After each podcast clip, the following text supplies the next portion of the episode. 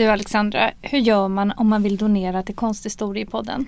Jo, då går man in på vår Instagram-sida och så går man in på länk i bio och där finns det en knapp som heter Ge en slant till Konsthistoriepodden och den klickar man på.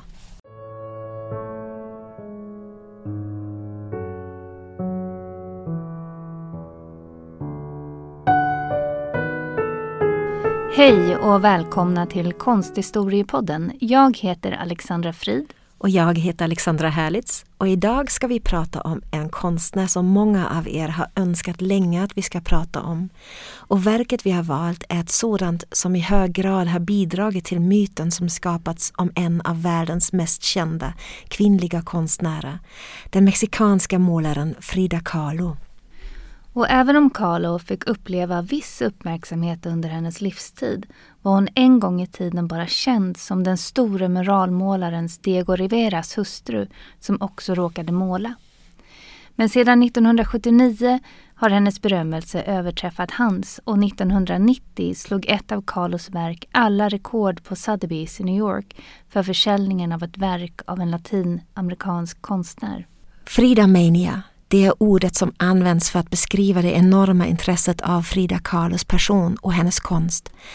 Den första vågen av Frida Mania uppstod 1982, alltså 28 år efter hennes död, i och med en utställning på Whitechapel Gallery i London där Carlos och fotografen Tina Mondottis verk ställdes ut.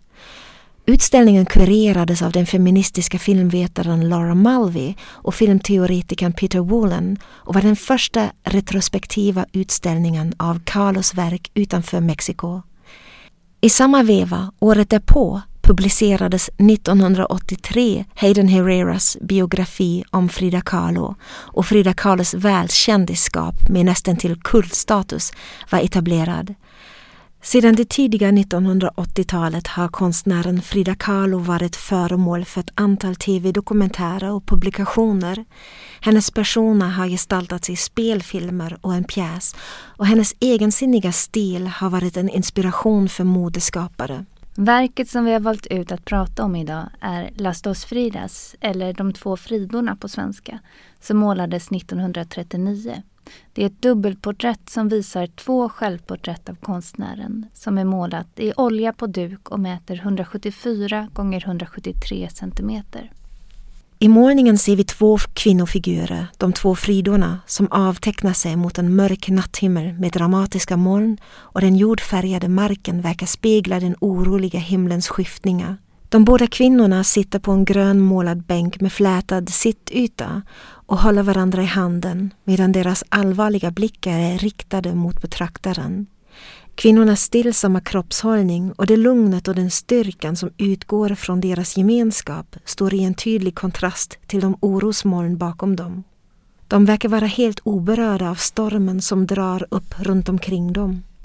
Till vänster ser vi en avbildning av Frida Kahlo där hon är iklädd i en lång ljusrosa kjol med en volang längst ner. Kjolen är prydd med broderier eller tryck av små blommor och höstlöv i rött och orange. På överkroppen bär hon en vit spetsblus med hög krage. Hennes hår är flätat i en avancerad uppsättning. Kvinnan på höger sida, även det en avbildning av Frida Kahlo, har på sig en lång brungrön kjol med en volang i skespets längst nere. Hon bär en royalblå blus i enkel skärning med en rund ringning och korta ärmar.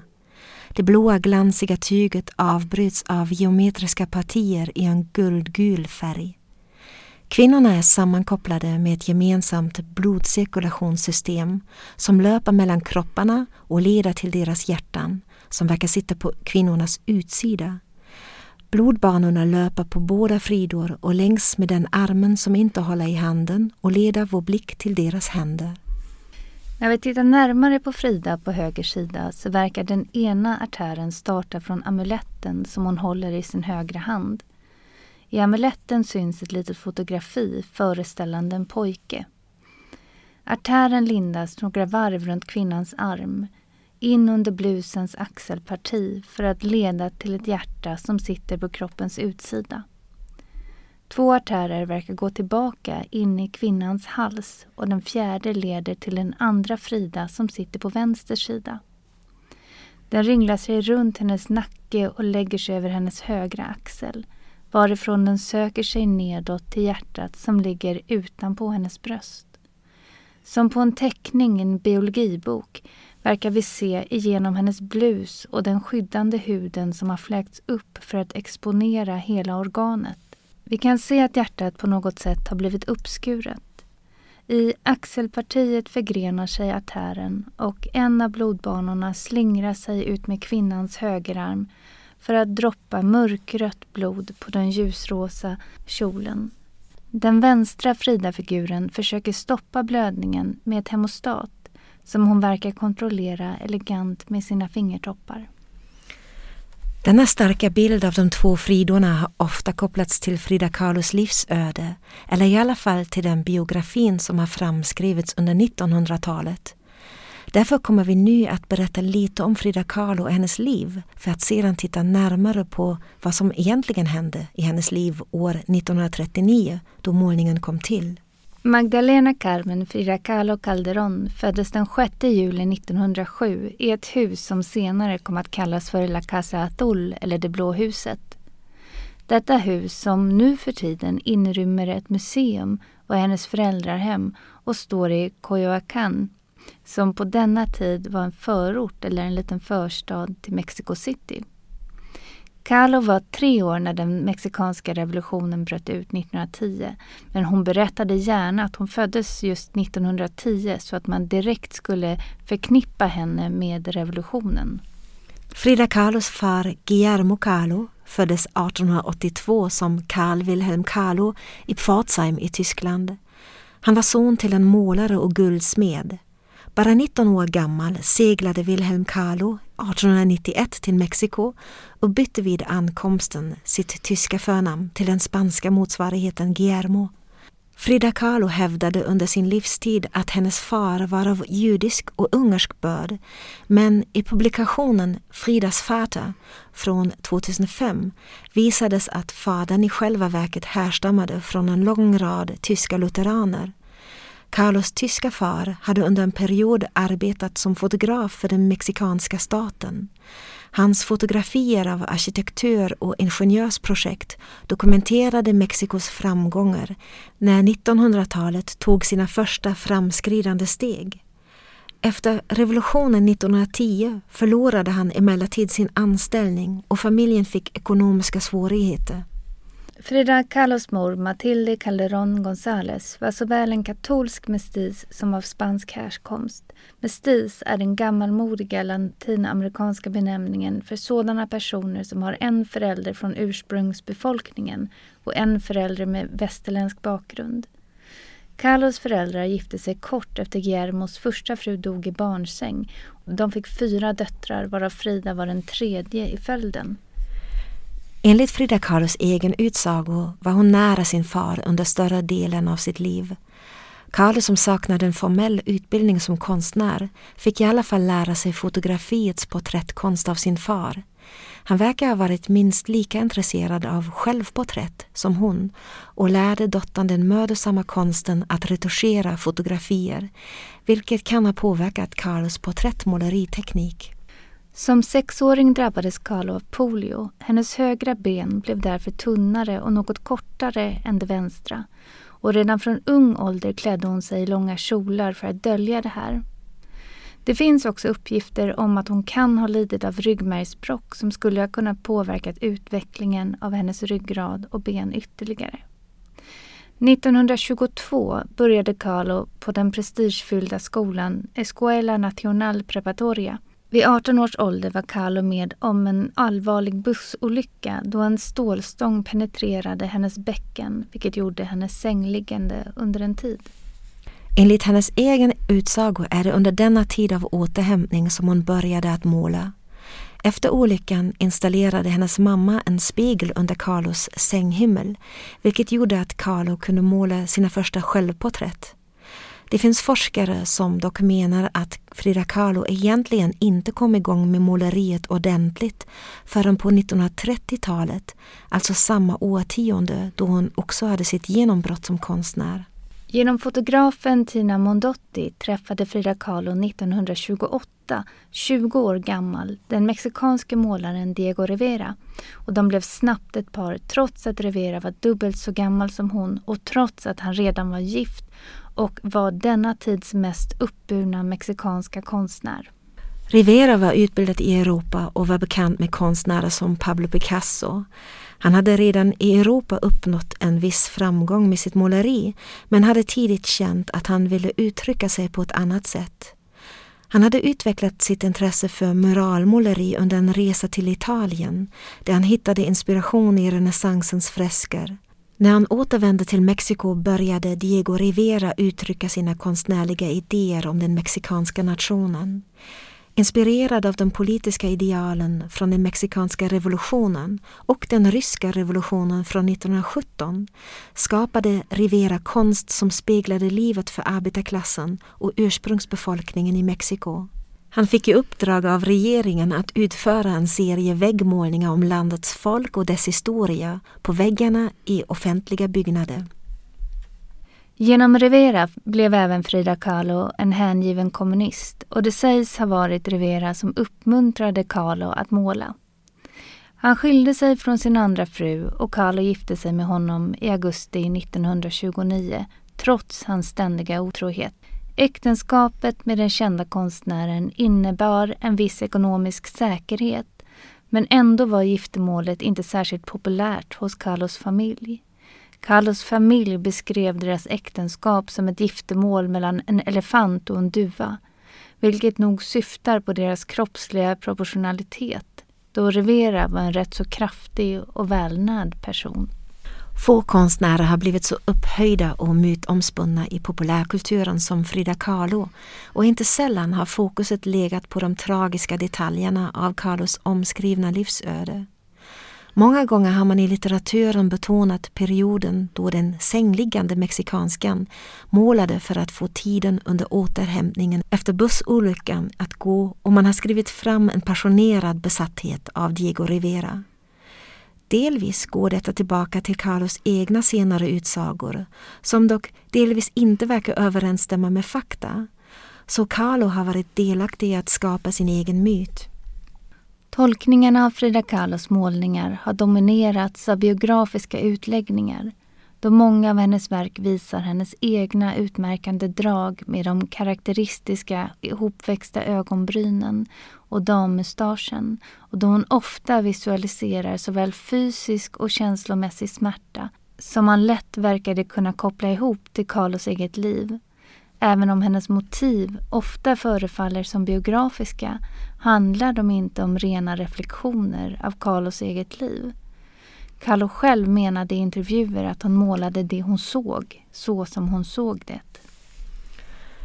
Carlos persona har blivit tydligt förknippad med den färgglada klädstilen och hennes originella frisyrer som har fångats i både porträttfotografier av henne och i hennes målningar, så även i de två fridorna där kvinnornas kläder är individuella och verkar vara symboliska. Mycket av den modernitet som vi nu för tiden avläser i Carlos färgstarka stil är i själva verket en återgång till traditionella kläder från Mexiko och Guatemala. Självklart var det ett medvetet och betydelsefullt val av Frida Kahlo att bära dessa. Klädvalet handlade för henne till exempel om den mexikanska revolutionen och den mexikanska nationella identiteten som i revolutionens kölvatten skulle bäras upp med stolthet. I samband med den mexikanska revolutionen som började 1910 ville mexikanska ledare och intellektuella bygga upp en starkare nationell identitet som också manifesterade sig i traditionella mexikanska kläder. Då blev Tehuanas, de unga kvinnorna från Tehuantepec och deras uppseendeväckande klädstil till en viktig kulturell symbol i nationsbygget som ofta avbildades i tidningarna. Den traditionella Tijuana-klädseln består av en överdel som kallas huipil och en långkjol som både har livliga färger och är dekorerade med broderier av blommor eller geometriska former. Innan spanjorerna hade erövrat Mexiko bar kvinnor omlottkjolar som hölls på plats av en midjebåge. Till Tijuana-stilen hörde också det flätade håret som gärna dekorerades med band eller blommor, så som vi ser det i många fotografier av Frida Kahlo. Likt våra folkdräkter kunde man avläsa den geografiska tillhörigheten av en kvinna utifrån hennes klädsel, men likaså hennes sociala status, hennes civilstånd och hennes religion. Det är alltså inte så konstigt att Frida Kahlo använde sig av Tijuana-stilen som ett uttryck för sin kulturella identitet och stolthet över det mexikanska arvet samt beundran för hantverkskonsten.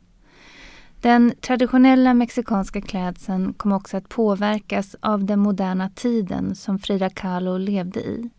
De mönstrade bomullstygerna som kjolarna syddes av blev ofta importerade från den engelska staden Manchester och när sängersymaskiner introducerades i början av 1900-talet skapades ett mode med täta geometriska mönster som syddes i kedjesöm.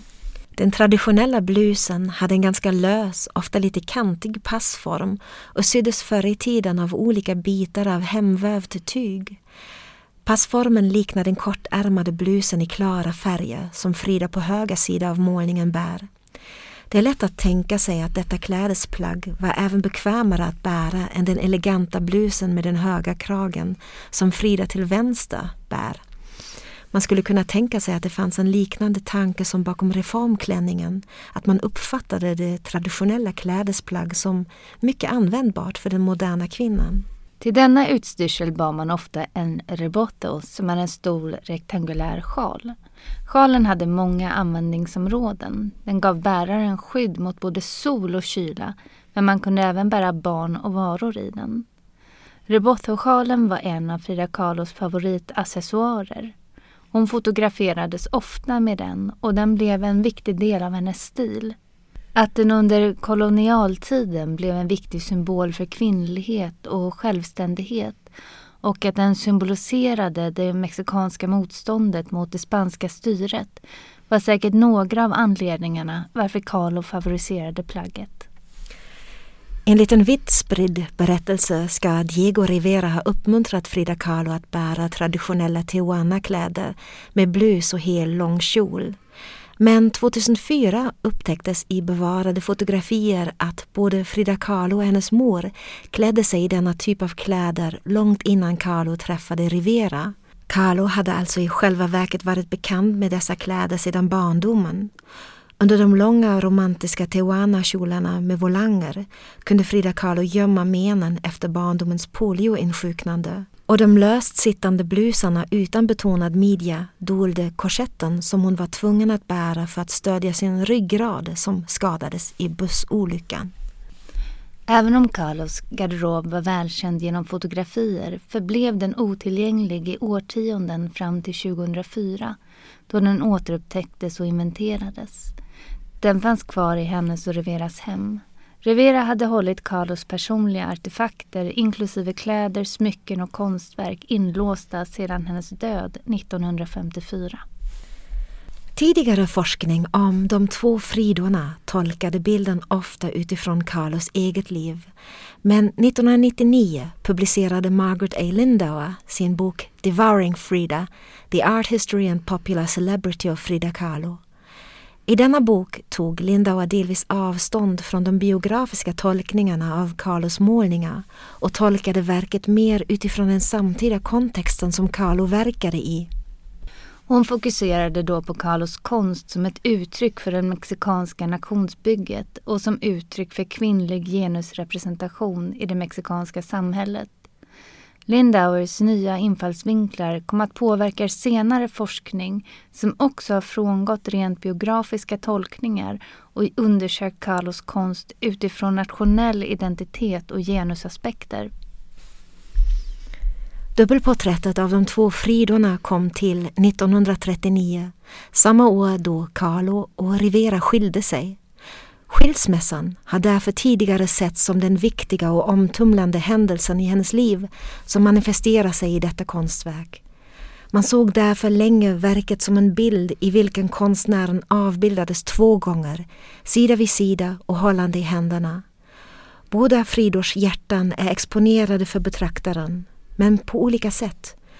Den vänstra Fridas hjärta sitter kvar i kroppen men är ändå synligt för oss. Den högra Fridans hjärta sitter på utsidan av hennes kropp. Blodet verkar pumpa genom ett delat blodomlopp där ett blodkärl förbinder de två hjärtan. Ett annat blodkärl sitter fast i ett miniatyrporträtt som den högra Frida håller i handen och som verkar avbilda Diego Rivera som barn. En tredje artär slingrar sig längs med den vänstra Fridas arm över den långa vitrosa kjolen. Frida håller ett hemostat för att stoppa blodflödet från att spilla över den vitrosa kjolen. Den biografiska tolkningen av detta verk som upprepade gånger har beskrivits i forskningen är att den ena Frida är älskad, den andra inte men att deras hjärtan förenas och att de gemensamt blöder över förlusten över Rivera. Den vänstra Frida med sin lite ljusare hudton och blusen med den höga kragen har tolkats som en spansk eller en viktoriansk kvinna. Men i alla fall som kolonial eller som europeisk. Den högra Frida med den mörkare hudfärgen har däremot tolkats som mexikansk i sin färgglada Tijuana-klädsel. Dessa två Fridor har tolkats som motsvarande Frida Kahlos egna arv efter den tyske fadern och den mexikanska modern. Ofta antas det att den Tijuana-klädda Frida till höger ska föreställa den som är älskad av Diego Rivera medan den europeiska Frida till vänster föreställer den oälskade. Fokus i tolkningarna kunde ofta ligga på den älskade och den oälskade och samtidigt såg man de två fridorna som en symbol för alienationen mellan Carlos mexikanska och europeiska arv. Det älskade mexikanska arvet och det oälskade europeiska arvet. Men Lindauer ifrågasatte denna tolkning och menade att betydelsen kan vara mera komplex än så. Skulle de två fridorna verkligen vara en metafor för kampen mellan de olika kulturerna där den europeiska Frida antingen kommer att blöda ihjäl eller att skiljas från den mexikanska Frida? Vill konstnären verkligen framställa sina kulturella arv som så oförenliga? Nej. Den mest betydelsefulla aspekten av målningen som hade blivit förbisedd är just de två fridornas starka gemenskap.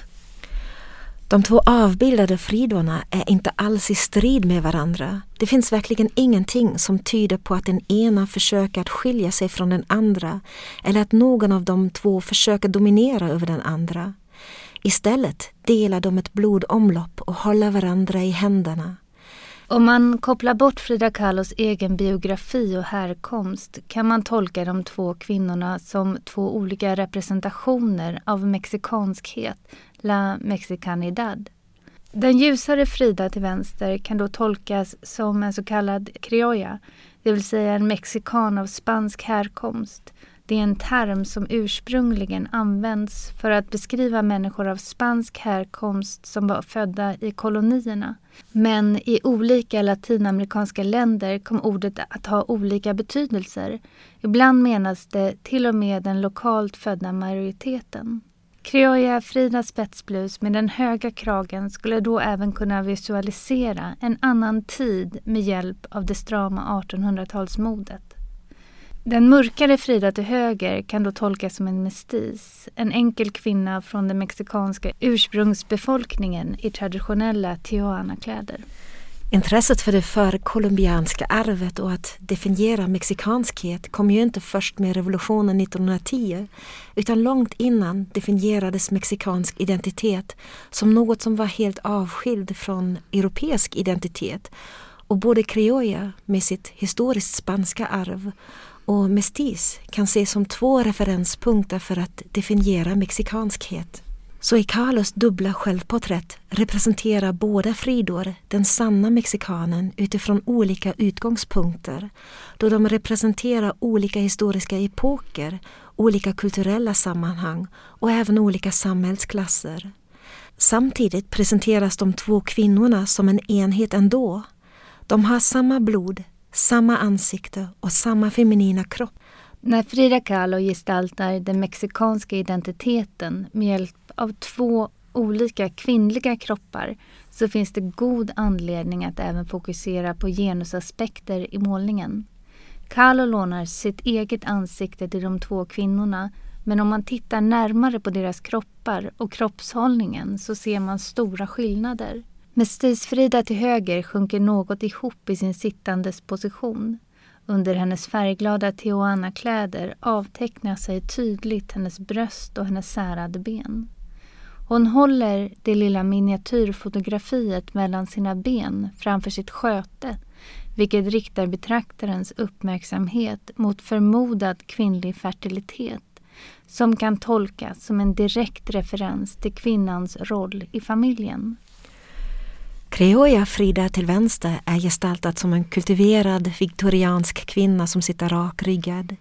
Hennes klänning avslöjar inte hennes kroppskonturer. Och även om det ena bröstet är bart är det ändå mestadels täckt av det exponerade hjärtat och påminner snarare om en medicinsk illustration än en erotisk eller sexualiserad bild. Ändå upprepas kvinnlighetens biologiska detaljer subtilt hos båda kvinnorna.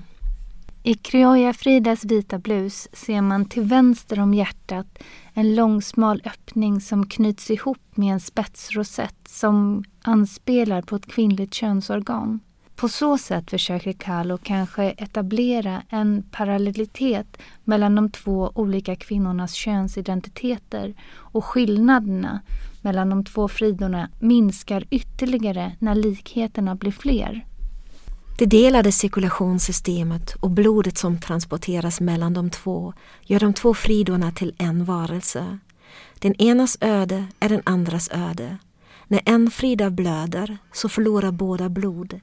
Blodet som droppar från den avskurna blodkärlen fläckar den viktorianska kjolen och smälter in i de broderade röda blommorna som pryder kjolens nedre del. Samma mönster upprepas, dock i vitt på vitt, i volangen längst nere på den brungröna kjolen som mestisfrida till höger bär. Det spillda blodet framträder i olika former på båda kvinnor. Dessa detaljer i målningen har tolkats att binda ihop de två olika kvinnornas öden trots att de visualiserar både kolonialtiden och den postrevolutionära eran i Mexiko och trots alla uppenbara kulturella och politiska framsteg dessa olika tider innebär har kvinnornas sociala status i det mexikanska samhället bibehållits. Kopplar man denna tolkning tydligare till Frida Kahlos 1930-tal och målningens tillkomst 1939 så är det ett årtionde som har varit betydelsefullt för kvinnors rösträtt. Under 1930-talet fick kvinnorna i Mexiko nästan rösträtt. Frida Kahlo var medlem i Frente Unico Pro Derechos de la Mujer som var en av flera politiska organisationer som lyckades övertyga politiker som presidenten Lázaro Cárdenas att nationen skulle tjäna på att ha fler kvinnor aktiva i den offentliga och politiska sektorn.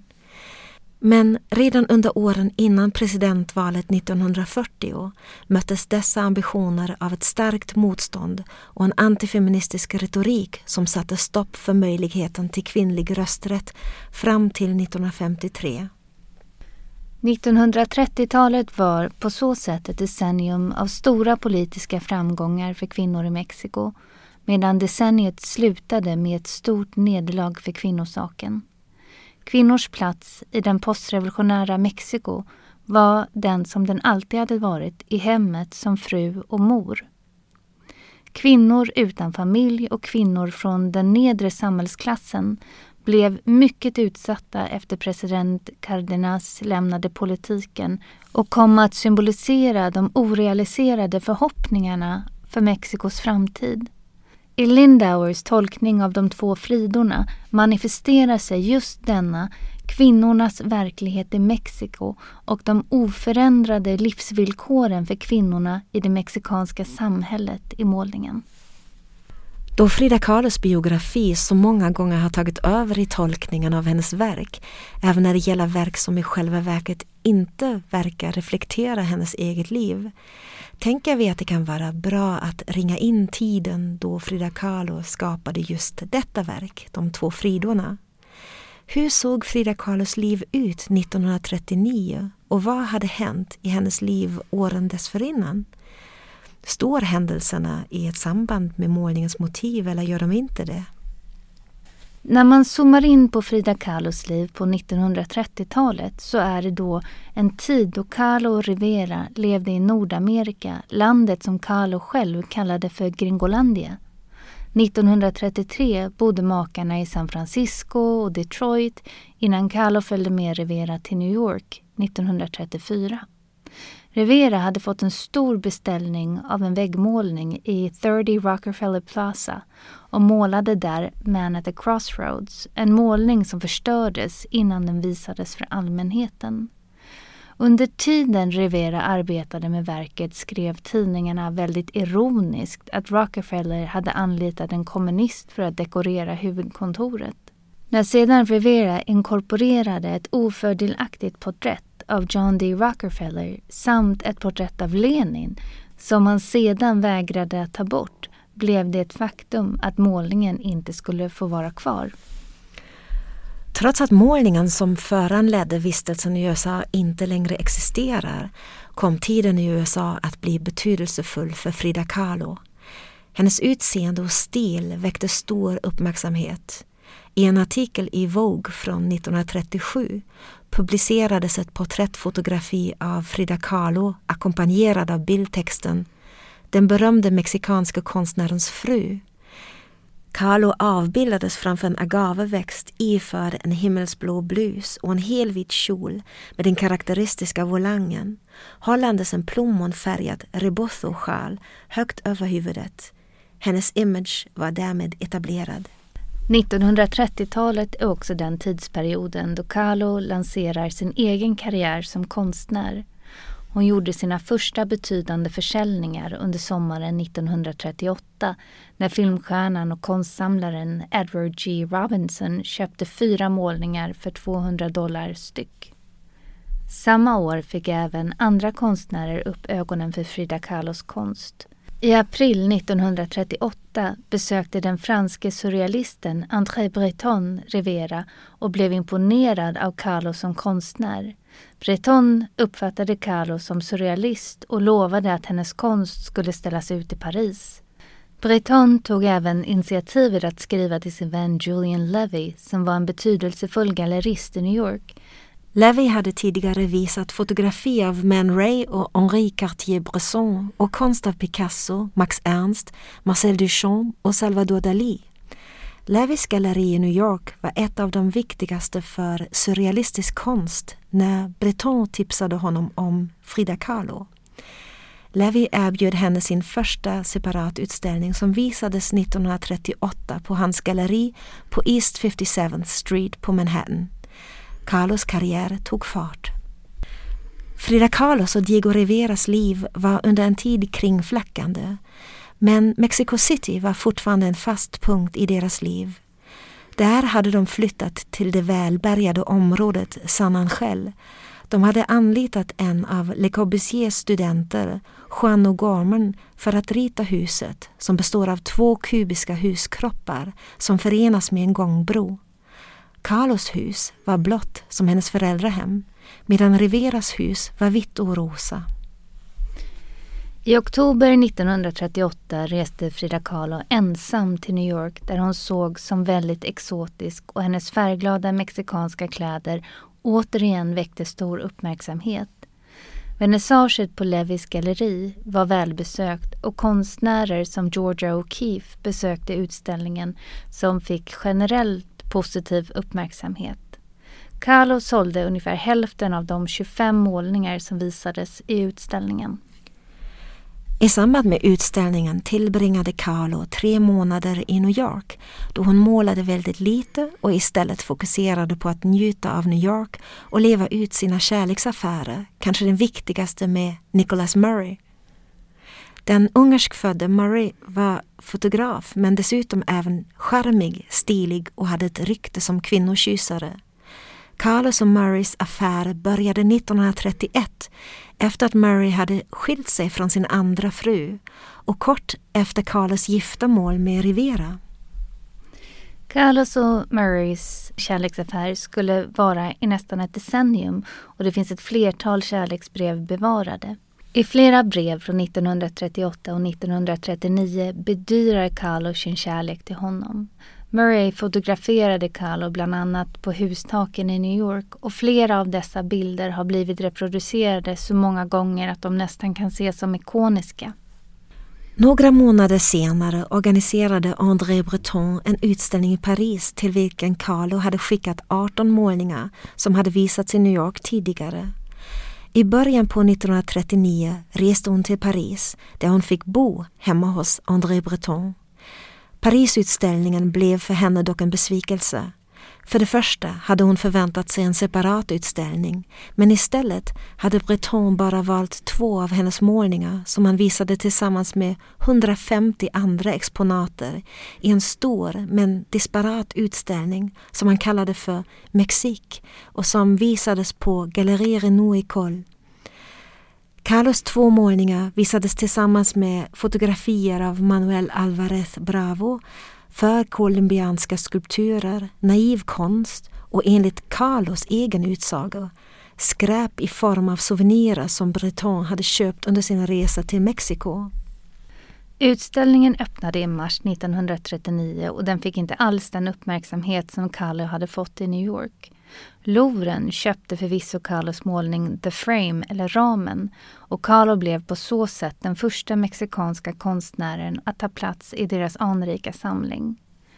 Franska Vogue skrev en artikel och nämnde Carlo som en lovande konstnär, den nästa i raden i Rivera-familjen. Även i Europa verkar Frida Kahlos mode och klädstil ha varit uppseendeväckande. Den ryska konstnären Vasilij Kandinsky, som hade varit på utställningen Mexik i Paris, beskrev sina intryck i ett brev till konstnärsparet Josef och Annie Albas. Och slutligen ett stort antal målningar av Diego de Riveras fru som har en stark surrealistisk ton. Hon var där personligen, i mexikansk klänning, väldigt charmig. Det verkar som om hon alltid klär sig på detta sätt. Det var många ganska excentriska damer där i Montparnasse-andan, men ingen kunde konkurrera med den mexikanska klänningen. För övrigt sålde Carlo inte bra och förlorade pengar på utställningen vilket ledde till att hon blev tvungen att ställa in en annan utställning som planerades i London. Dessutom hägrade andra världskriget över den europeiska horisonten. Trots att hon hade blivit väl mottagen av Miró såväl som Picasso behöll hon en negativ inställning till Paris och framförallt till surrealisterna. I flera brev kallade hon dem för galningar, ruttna och väldigt korkade samt att hon inte alls stod ut med dem. Efter månaderna i Paris reste Carlo förväntansfullt tillbaka till New York. Hon hade tänkt sig att fortsätta sitt förhållande med Nicholas Murray igen men han hade träffat en annan kvinna som han hade för avsikt att gifta sig med.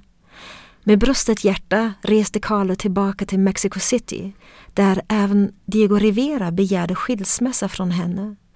Rivera och Carlo beviljades skilsmässa i november 1939. Carlo fortsatte att sköta hans ekonomi och korrespondens och det är några av Carlos viktigaste verk som tillkom under denna period av hennes liv. Däribland de två Fridorna som nog är Frida Kahlos mest omdiskuterade verk. Det är svårt att lägga fram en enda giltig tolkning för en målning som De två Fridorna. Verket är mer komplext än att en biografisk tolkning skulle räcka till. Samtidigt som motivet förblir gåtfullt. När vi ser på målningen förblir många av våra frågor obesvarade och vi ser andra aspekter i verket som man inte kan hitta forskning om. Även om biografin inte bör ta över i tolkningen så finns det ändå detaljer ur hennes personliga liv som skulle kunna ha betydelse. Ett faktum som man skulle kunna ta in i en tolkning är att Frida Kahlo har varit i Paris tidigare samma år som hon målade De två Fridorna.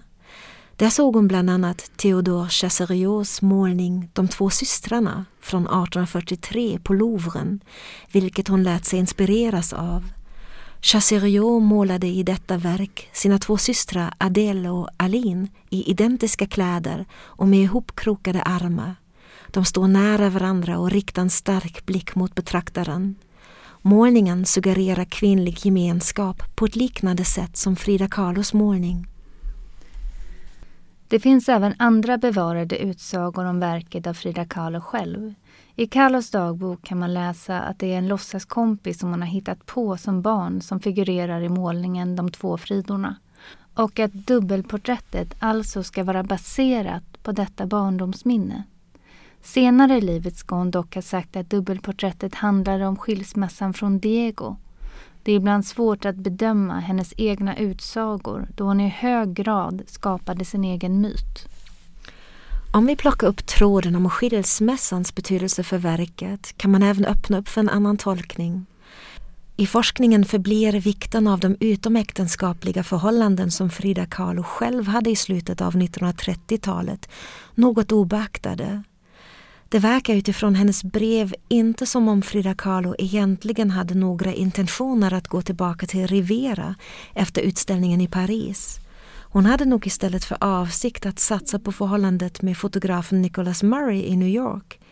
När Murray oväntat avslutade deras förhållande och hon återvände till Mexico City fick hon likväl sitt hjärta krossat då hon då även konfronterades med Riveras önskemål att separeras.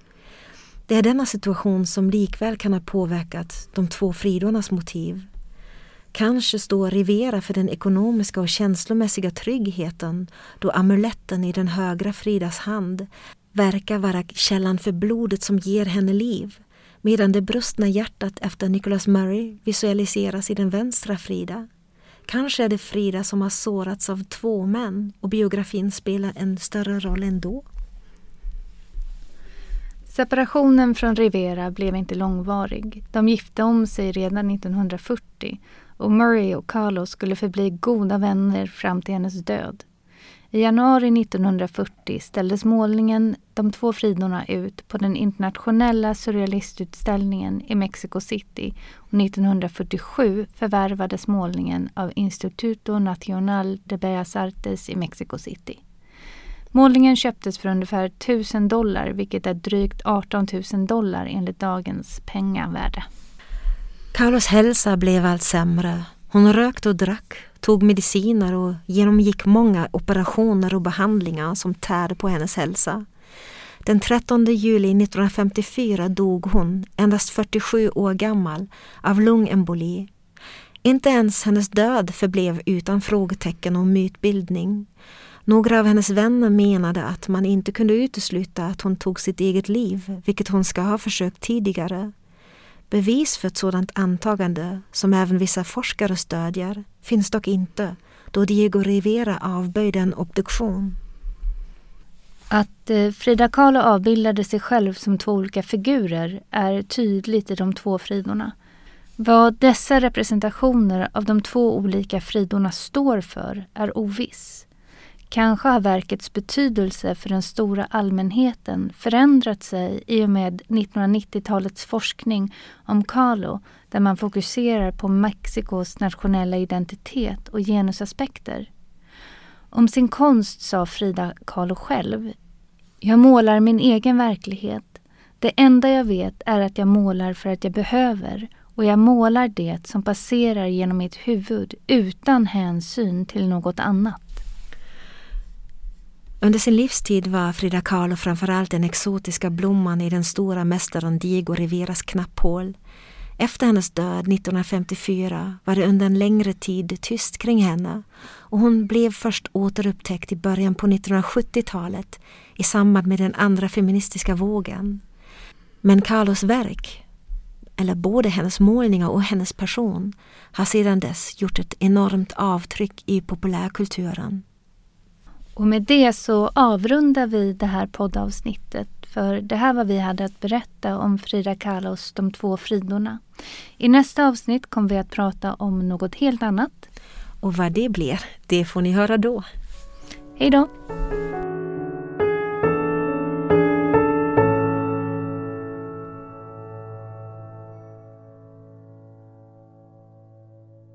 Konsthistoriepodden görs med stöd av Gustav Adolf Bratts minnesfond och Göteborgs universitet.